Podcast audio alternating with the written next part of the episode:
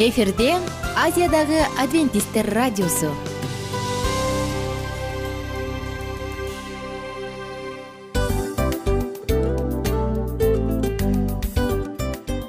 Достор салют. Баардык сүйүктүү угармандарыбызга салам айтабыз. Кутман күнүңүздөр менен. Ден соолук өмүрдүн булагы демекчи саламат саамы программасында баарыңыздарды көргөнүбүзгө абдан кубанычтабыз. Анда алгач амандашып өтөлү арбаңыздар деп. Ден соолугуңуздар кандай элибизде көбүнчө ден соолук кандай дегенде эле жакшы деп жооп беребиз э? ооруп турсак дагы жакшы дейбиз. Анан мен муну айтып ойлойт элем бул абдан сонун сөз депчи анткени бул жакшы деген үмүт да э ооба баары жакшы болот баары сонун. Деп үмүттөнүп атып эле өзүбүздү өзүбүз дарылап коебуз. Анысы кандай? Сиздин дагы ден соолугуңуз жакшы беш деген үмүттөбүз чындыгында ден соолук бул өмүрдүн булагы деп бекеринен айтылган эмес деп ойлойм. Кыргыз элинде анткени эгерде ден соолук жок болсо анда адамдын жашоосунда калган баардык керектүү маңыздуу нерселер өзүнүн баалуулугун жоготуп коет. Ошондуктан ден соолук бул эң керектүү нерсе. Ооба туура айтасың кесиптешим. Чынында ден соолугуң жок бир эки үч күн ооруп калсаң эле э кандай болуп калат? Жашоодо көз каранды болуп каласың көп нерсеге жетишпей каласың көп нерсени кыла албай каласың жада калса эшикке дүкөнгө да чыга албай каласың. Туптуура анан ден соолук болсо демек биз биздин бактыбыз тоодой деп койсок болот. Анда достор саламат саамы рубрикабызды баштайлы. Алдыда өзүңүзгө керектүү болгон сонун кеңештерди уга аласыздар. Мына ошондуктан биз менен бирге болуңуздар. Ал эми биз болсо милан жана айнура. Кеттик алга. Алга саламат саама ден соолуктун жарчысы. Саламат саама ден соолуктун ачкычы. Күн сайын сиз үчүн мыкты кеңештер сонун жаңылыктар кызыктуу фактылар. Биздин рубрикада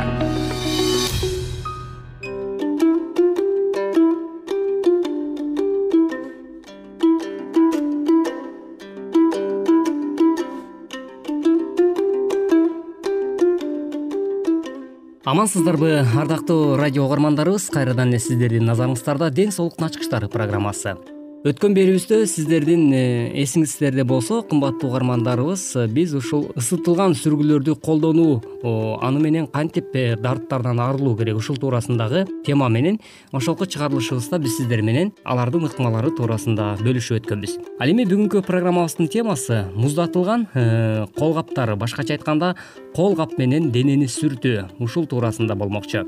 Анда эмесе бүгүнкү программабыз сиз үчүн дагы кызыктуу болсо анда биздин толкундан алыстабай сөзсүз түрдө өзүңүздүн саламаттыгыңызга кам көрүүгө кайдыгер карабасаңыз биз менен биргеликте болуңуз.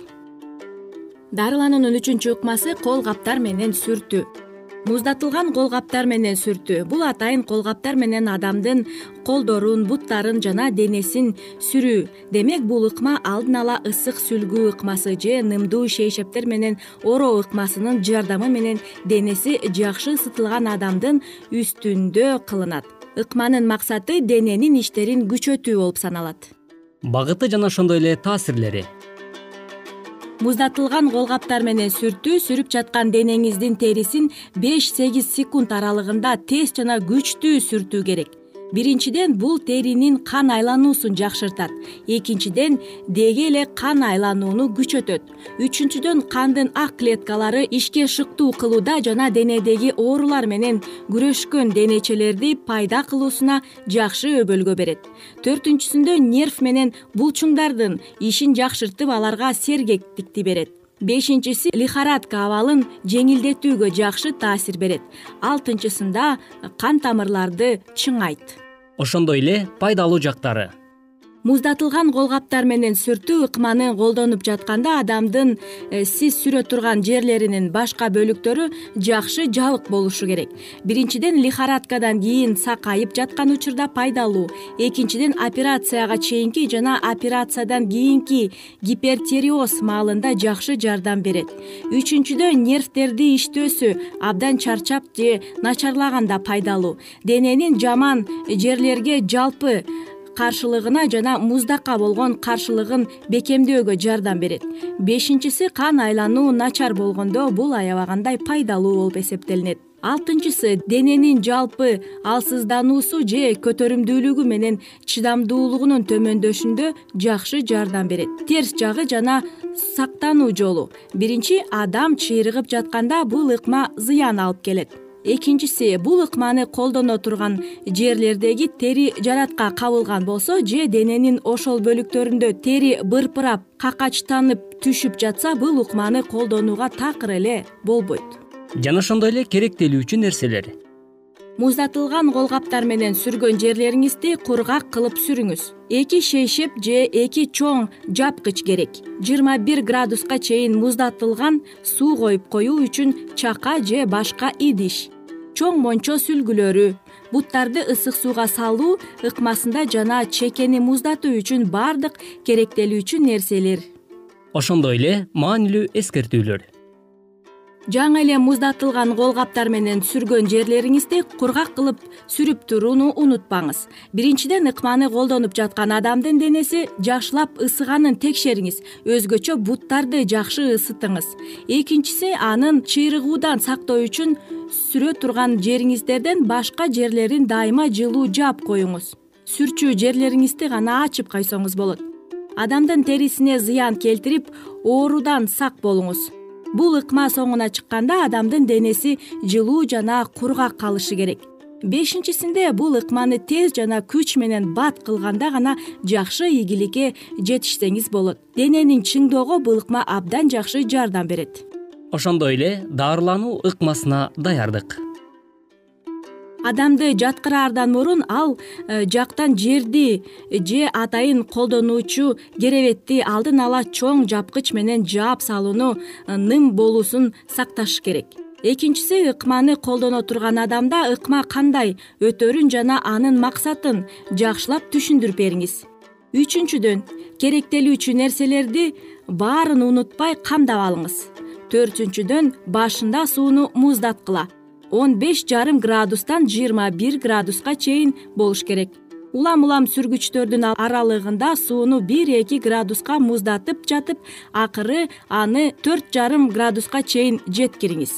Ошондой эле дарылануу ыкмасы. Ыкманы колдонуп жаткан адамдын денеси жакшылап ысытылган текшериңиз. Өзгөчө буттарын жакшы ысытыңыз. Сүрө турган жериңизден көп жерин ачпаңыз териге жараткылып зыян алып келтирүүгө сак болуңуз. Колу буттарды сүрүп андан кийин төштү аягында далыларды сүрүңүз. Муздак суу сиңирилип муздатылган э, калпактарды жакшылап сыгып адамдын денесин беш сегиз секунд аралыгында күчтүү жана тез сүрүңүз. Сүргүч жериңизди кургак сүлгү менен тез жаап жана кургатып сүрүңүз. Ал жериңизди чоң мончо сүлгү менен жаап коюп ыкманы дененин башка жерлерине колдонууну улантыңыз дененин ишин күчөтүүгө же сергитүүгө таасир төмөнкүлөргө байланыштуу. Суунун ысыктыгына кол каптарды суулаганда дененин бир жерин сүрүп жатканда бирден төрткө чейин сүртүүнүн таасиринин узактыгында күчтүү жана тез сүртүүгө байланыштуу.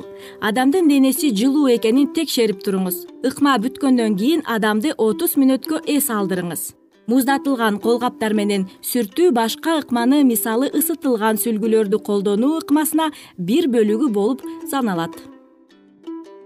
Урматтуу угармандар ушуну менен бизге бөлүнгөн убактыбыз дагы өз соңуна келип жетип калды. Бүгүнкү программабыз дагы кеңеш кептер сиздин жашооңузга өзүнүн жакшы бир таасирин берсин деген үмүт менен программабыздын көшөгөсүн жапмакчыбыз. Кийинки берүүбүздөн дал ушул толкундан кезиккенче аман болуңуздар саламат саама ден соолуктун жарчысы. Саламат саама ден соолуктун ачкычы. Күн сайын сиз үчүн мыкты кеңештер сонун жаңылыктар кызыктуу фактылар биздин рубрикада.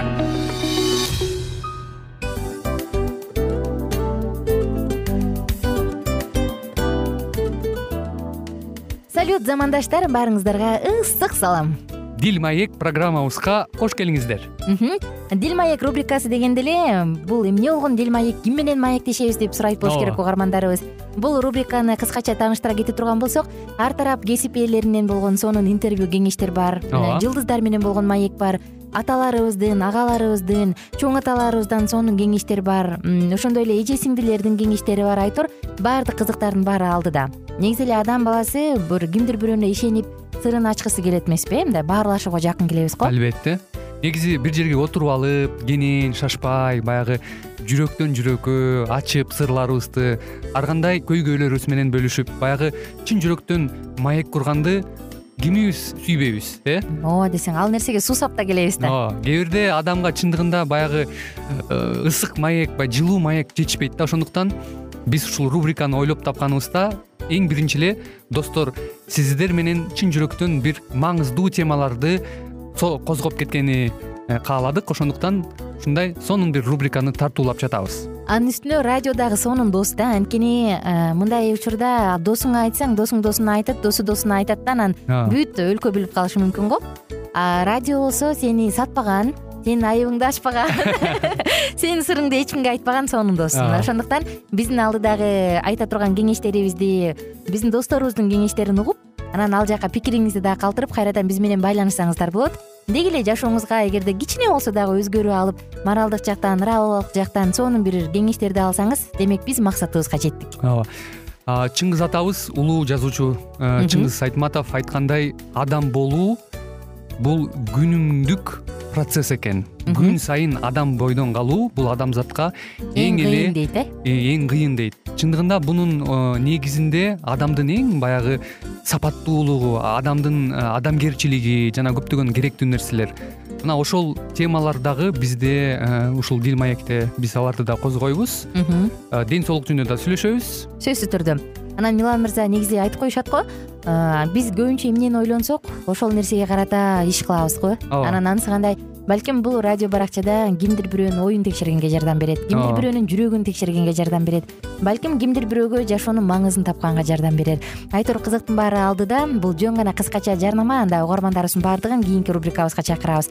Ал эми кызматта маңдайымда отурган кесиптешим милан жана мен айнура. Анда эмесе биз даярдаган терең терең ойлор менен таанышууга кеттик. Алыс алыс баралык. Анда эмесе достор биз менен бирге болуңуздар. Алдыда эң кызыктуу маалыматтардын баардыгы бир нече мүнөттөр бою жалгыз гана сизге арналат. Мына ошондуктан жакшы маанай менен угууну каалайбыз үн алышканча. Жөнөдүк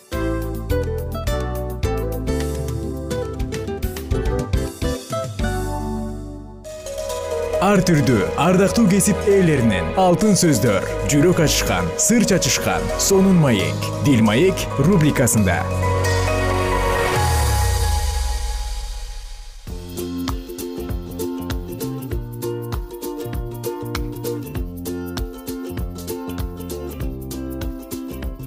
Үй бүлөлүк бакытты сакташ үчүн айымдарга кеңеш. Бүгүнкү темабыз салам достор. Баардык сүйүктүү угармандарыбызга ала тоону аркалаган элибизге айымдарга мырзаларга жигиттерге кыздарга баарыңыздарга салам айтабыз. Сагынычтуу саламымды айткан мен аку. Бүгүн сиздер менен үй бүлөлүк бакытты сакташ үчүн болгондо дагы айымдарга кеңеш айтабыз. Кызык бекен? Ооба да кызык да чын чынына келгенде үй бүлөлүк бакыт бул ар бирибиздин кыялыбыздагы нерсе. Ар бирибиз кыялданабыз жада калса үй бүлө кура электе эле бул тууралуу ойлонбой коюшпайт э. Мен болочокто моундай келинчегим болот. Анан мен момундай моундай жумушта иштейм балдарымды монтип багам дейт. Анан аял заты дагы мен моунча бала төрөйм моундай кыздуу болом моундай уулдуу болом. Менин жолдошум мындай кылат ал мага көңүл бурат ал мени сүйүп турат деп айтор кыялданып келебиз. Сүйүктүү жолдошуна бакыт тартуулаш үчүн аял заты эмне кылышы керек көпчүлүгүбүз бизди бактылуу кыла турган адам тууралуу кыялданабыз. Мени бактылуу кылса мени саякатка чыгарса мага ушундай сонундарды алып берип турса деп э? Ал бакытка жетиш үчүн негизинен аял затынын колунда экенин аңдай бербейбиз. Эгерде төмөнкү кеңештерге көңүл буруп алардын ар бирин жашооңузда колдонсоңуз анда чыныгы бактылуу аларыңызга кепилдик бар. Аял заты үчүн сонун кеңештерибизди жаңырталы албетте балким сиз бул кеңештер менен жүз пайыз макул болорсуз балким макул болбой чыгарсыз. Кантсе дагы психологдор кандай кеңеш беришет? Келиңиздер бирге карап өтөлү өзүңүздүн аял экениңизди эсиңизден чыгарбаңыз дешет биринчи. Бир аз алсызыраак болсоңуз бул сизге пайда гана алып келет. Социолог тастыктагандай көп никелер үй бүлөдөгү бийликти талашуунун айынан бузулат. Жолдошуңуз үйдө өзүн күчтүү сезсин. Кантсе да ал кичинекей мамлекеттин кожоюну эмеспи? Андыктан жолдошуңуз менен тең тайлашпай кичине болсо дагы ийкемдүү болуп коюңуз. Экинчиси жолдошуңуздун жаман сапаттарын издебестен жалаң гана жакшы жактарын издеңиз. Ал эми кемчиликтери тууралуу унутуп коюңуз. Мүмкүн болбогон нерсени өзгөртүүгө аракет кылуунун кереги жок. Үчүнчүсү жөнөкөй болуңуз. Эгерде мүмкүнчүлүгү жок болсо кымбат баалуу белектерди андан талап кылбаңыз. Аны кемсинтип айланасындагы бай адамдар менен салыштыруунун кереги жок. Андан көрө акчасын сактоого үнөмдөөгө жардам бериңиз. Ой баардык нерсе кыйын угулат бирок бул мүмкүн. Жолдошуңуз үчүн кызыктуу болуңуз. Сүйлөшүү үчүн жалпы тема таап аны эмне кызыктыраарын билип алыңыз. Жалпы кызыкчылыктар түгөйлөрдү жакындаштырат. Андыктан үйлөнбөй туруп бири биринин билим деңгээлин билип алгандары жакшы сүйүктүү адамыңызга ар убакыт ыраазы болуңуз. Ошондо ал сизге дагы да жагымдууларды тартуулаганга аракет кылат. Анан дагы мактаганды унутпаңыз. Ал анчалык деле кыйын эмес. Эркектер аялынан мактоо укканды жакшы көрүшөт. Кийинкиси ар убак күлүп жылмайып жүрүңүз. Жылмаюу адамдын сулуулугуна сулуулук кошот. Ал эми ар бир эркек жанындагы аялынын сулуу болушун каалайт жетинчиси жолдошуңуздун кылган ишинен кыйкым таба бербеңиз. Оор басыруктуу болуп аныкы туура эмес болуп жаткан күндө да уруштун отун тутантпаңыз андан көрө талаш тартышты токтотуп экөөңүздөр тең тынчтангандан кийин ортодогу маселени жай олтуруп чечип алыңыздар. Кыйкырып бакыргандан эч кандай майнап чыкпайт. Сегизинчиси ишениңиз бирок сүйүүсүн текшериңиз татыктуу кызганыч сүйүүнү бекемдейт андыктан сизге баары бир эмес экенин сездириңиз. Ал кимдер менен мамиле түзүп кимдер менен иштегени тууралуу биле жүрүңүз. Бирок чектен чыгып ашыкча кызганып уруш талашка чейин жеткирбеңиз. Өзүңүздүн келбетиңизге көңүл буруңуз. Анан сүйүү бара бара өчүп жок болот деген сөзгө ишенбеңиз. Бул туура эмес. Сүйүү убакыт өткөн сайын өсүп көбөйүп турат. Болгону маал маалы менен коломтого отун таштап турсаңыз от жалындай берет үй бүлөлүк сырды сактай билиңиз. Үйдөгү маселени башка бирөөгө айтканда анын кеңеши тескерисинче залакасы тийгизиши мүмкүн. Кийинки кеңеш. Балдардын көзүнчө жолдошуңузга өйдө карап сүйлөбөңүз. Себеби бала уядан эмнени көрсө учканда ошону алат. Күйөөңүздү дароо эле күнөөлөп кирбей актоону үйрөнүңүз.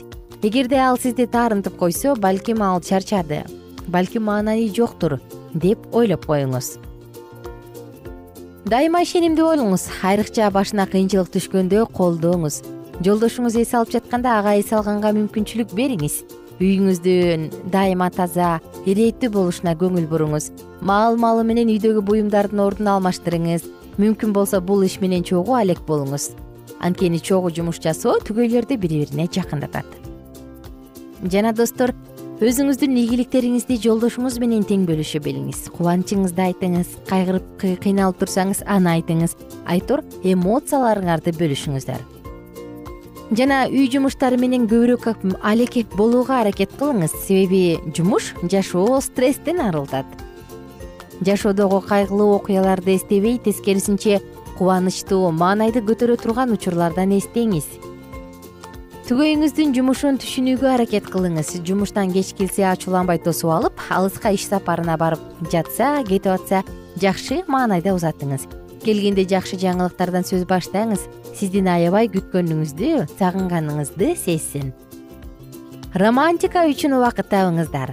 Чогуу сейилдеп жаратылыш койнунда чогуу эс алыңыздар. Мындай аракеттер чыңалуудан арылтат. Достор бүгүн сиздер менен бирге аял заты үй бүлөлүк бакытты сакташ үчүн кандай кыла алат? Мына ушул жөнүндө сөз кылдык. Албетте тыйындын эки тарабы бар. Ошондуктан алдыдагы уктурууларда мырзаларга дагы кеңеш айтабыз. Мырзалар канткенде үй бүлө үйдөгү бакыт сакталат. Анткени эки адам аракет кылбаса бир адам өмүр бою аракет кыла албайт. Ошондуктан эки адам тең кайыктын эки жагындагы күрөктү алып бирдей күрөшү керек достор сиздер менен убактылуу гана коштошом. Атым аку кайрадан кийинки дил маек уктуруусунда амандашып саламдашканча сак саламатта калыңыздар. Күнүңүздөр көңүлдүү улансын жалпыңыздарга кааларыбыз таттуу эң сонун жубайлык түгөйлүк мамиле бар болуңуздар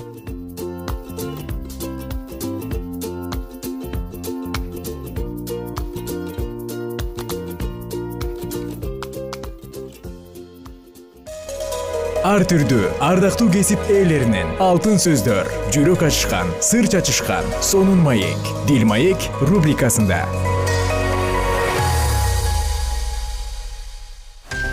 Жан дүйнөңдү байыткан жүрөгүңдү азыктанткан жашооңо маңыз тартуулаган жан азык рубрикасы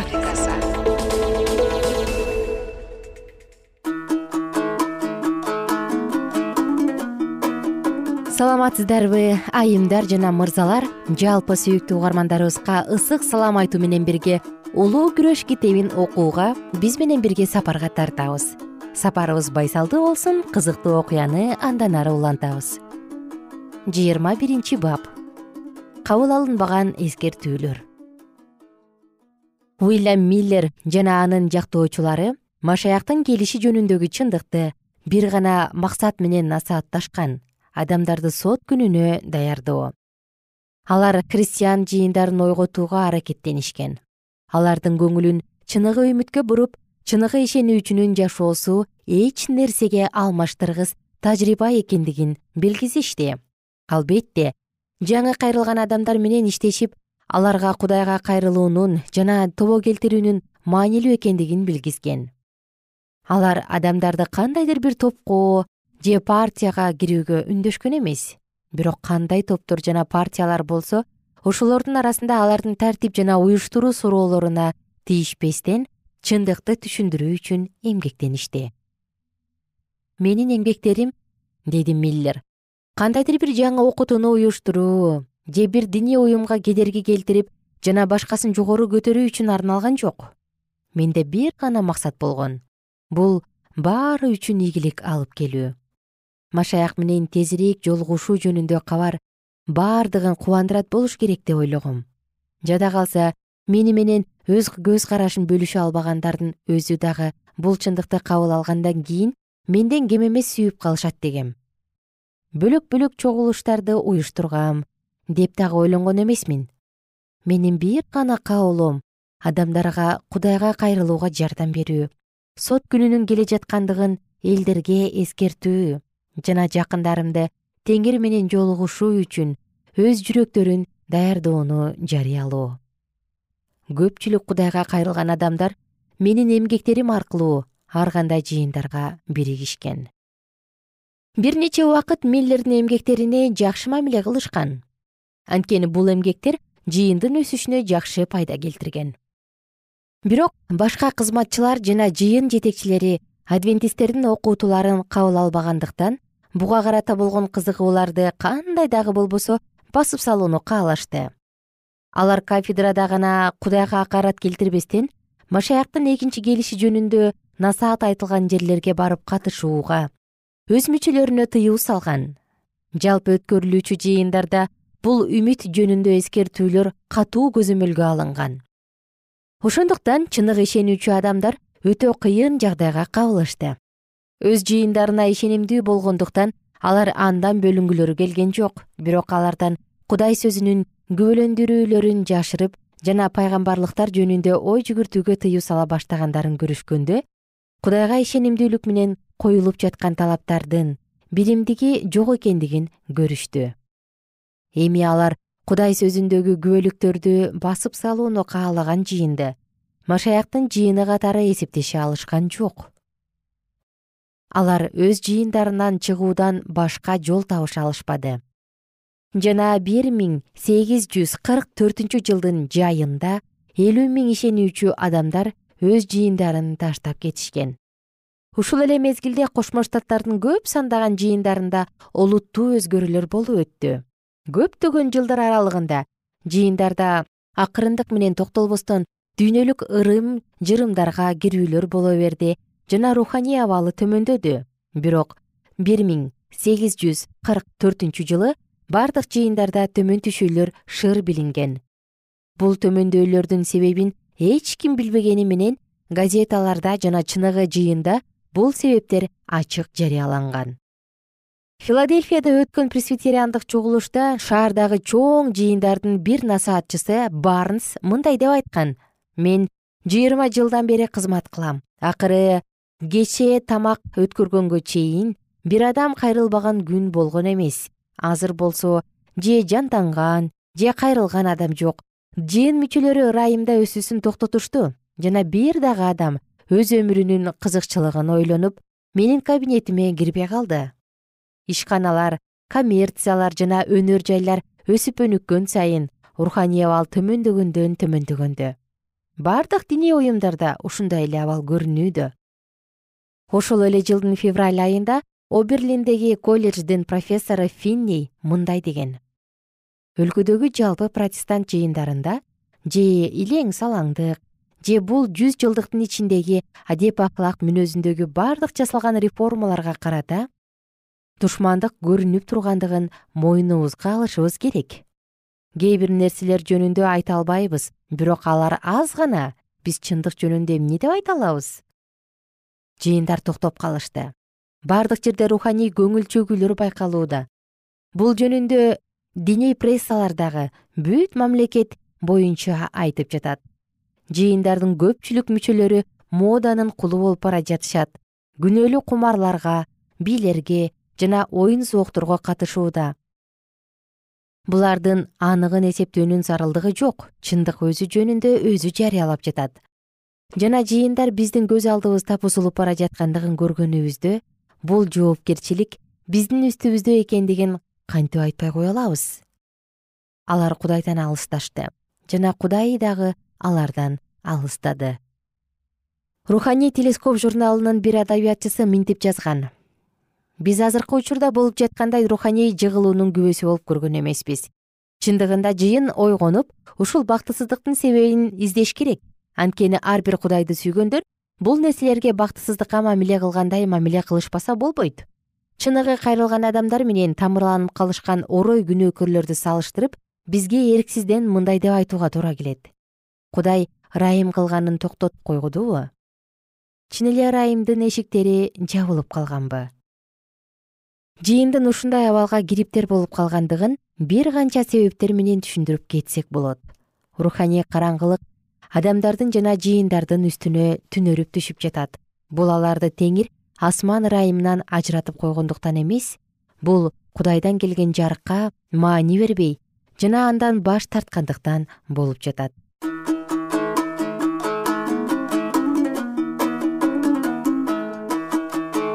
Ардактуу достор сиздер менен кийинки уктуруубузда саатыбызды андан ары улантып китептин уландысын бирге тыңдайбыз. Амандашканча сак саламатта туруңуздар.